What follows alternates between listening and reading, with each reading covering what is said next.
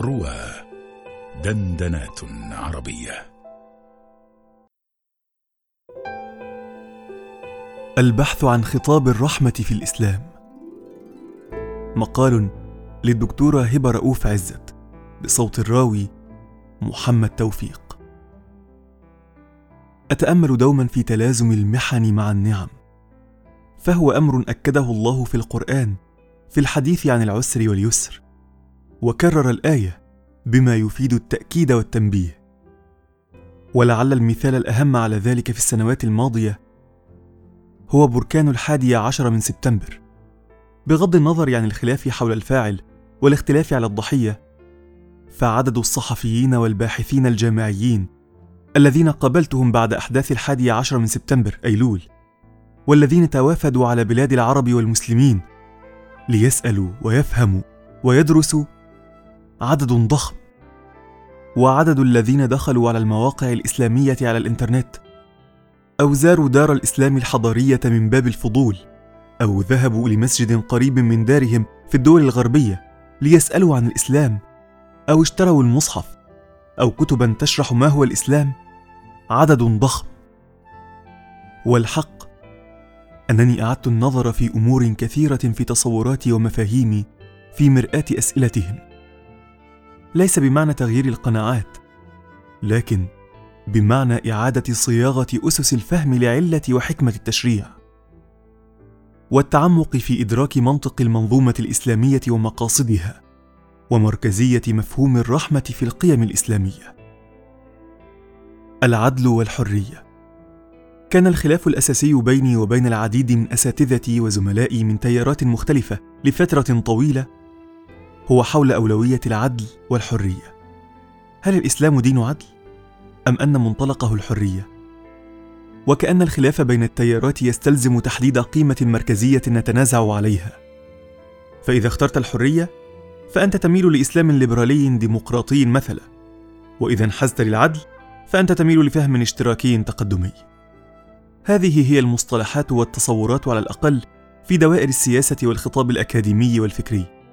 الذي يحرص على مصطلحاته ومفاهيمه ومفرداته حرصا بالغا. لأن هذا في ظنه ما يميز الكلام العلمي عن خفة نقاشات الناس في المجتمع. للطرافة.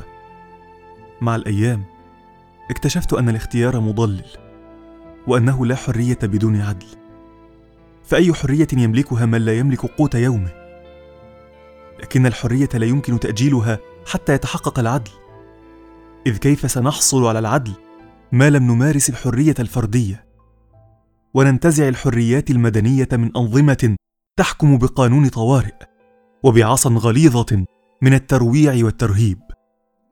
لكن السؤال هو لماذا انحبسنا في تلك الثنائية التي تعكس في الحقيقة القطبية الثنائية والتي غلبت على المجال الفكري في ظل الأيديولوجيات الحداثية والتي وجدت تجليها الصراعي في ظل الحرب الباردة؟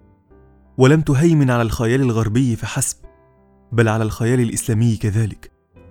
فكتب البعض عن اشتراكية الإسلام كلاما نفيسا لا يعيبه إلا أن سياقه السياسي كان الدفاع عن سياسات أنظمة شمولية.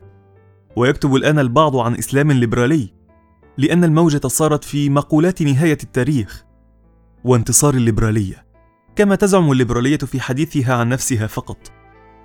ولأن حالنا لا يخفى على أحد مع تداعي الأمم علينا. فقد صار لخطاب إسلام الجهاد رواج في عقود خلت. خطاب الرحمة.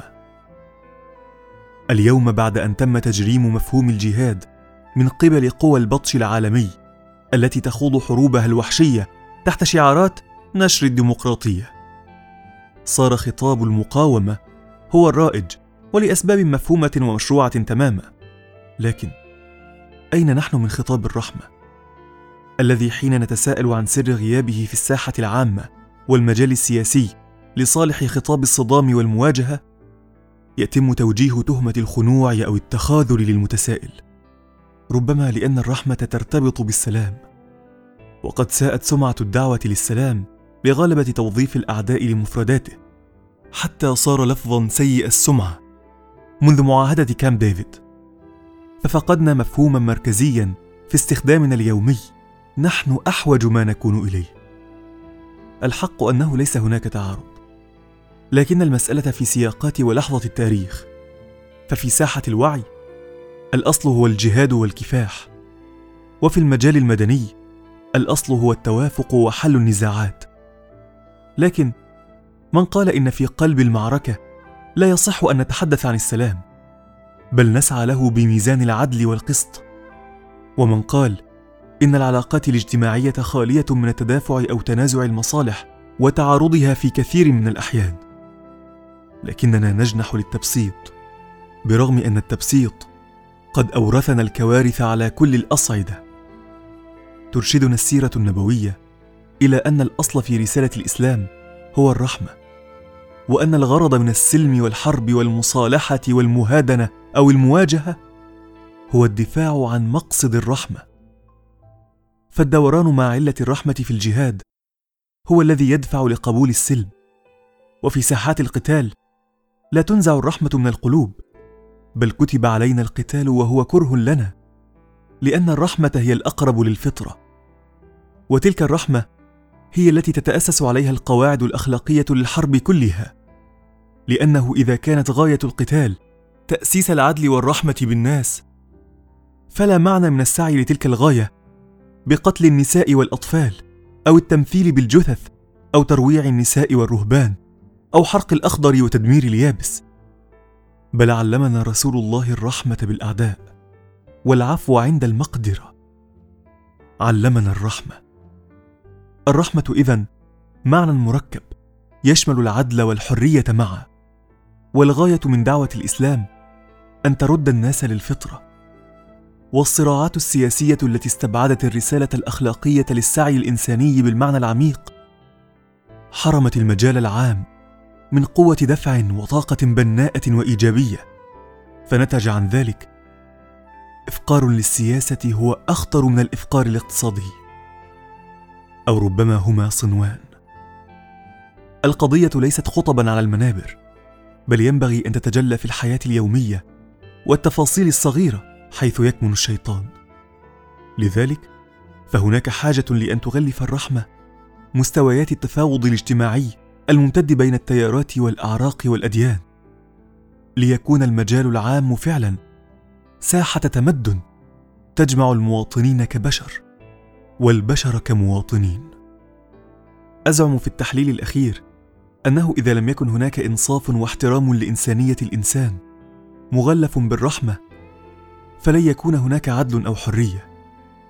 فالقوانين وحدها لا تكفل تنظيم المجتمعات والحريات وحدها في المقابل لا تحمي الحقوق أو تكفل العدالة. والسياسة اليومية والعامة حين تفقد بعدها الإنساني تغلب عليها حسابات المصالح الصماء. إن الإنسان الأخلاقي أو المتخلق بالرحمة يتحرك في دوائر الحياة باعتباره خليفة لله والمنظومة السياسية والاقتصادية الإسلامية تتأسس على الاحتفاظ بهذا التماسك الإنساني على كل المستويات. ومن هنا حكمة تحريم الربا والتوصية بالفضل عند التنازع والأمر بالعفو عند الخلاف وجبر الخواطر عند المصالحة وهكذا. ومفهوم الفطرة الذي قصرناه طويلا على البعد الديني في الدعوة. يجب أن يتحرر ليغدو من أسس فهم الاجتماع الإنساني وإصلاحه.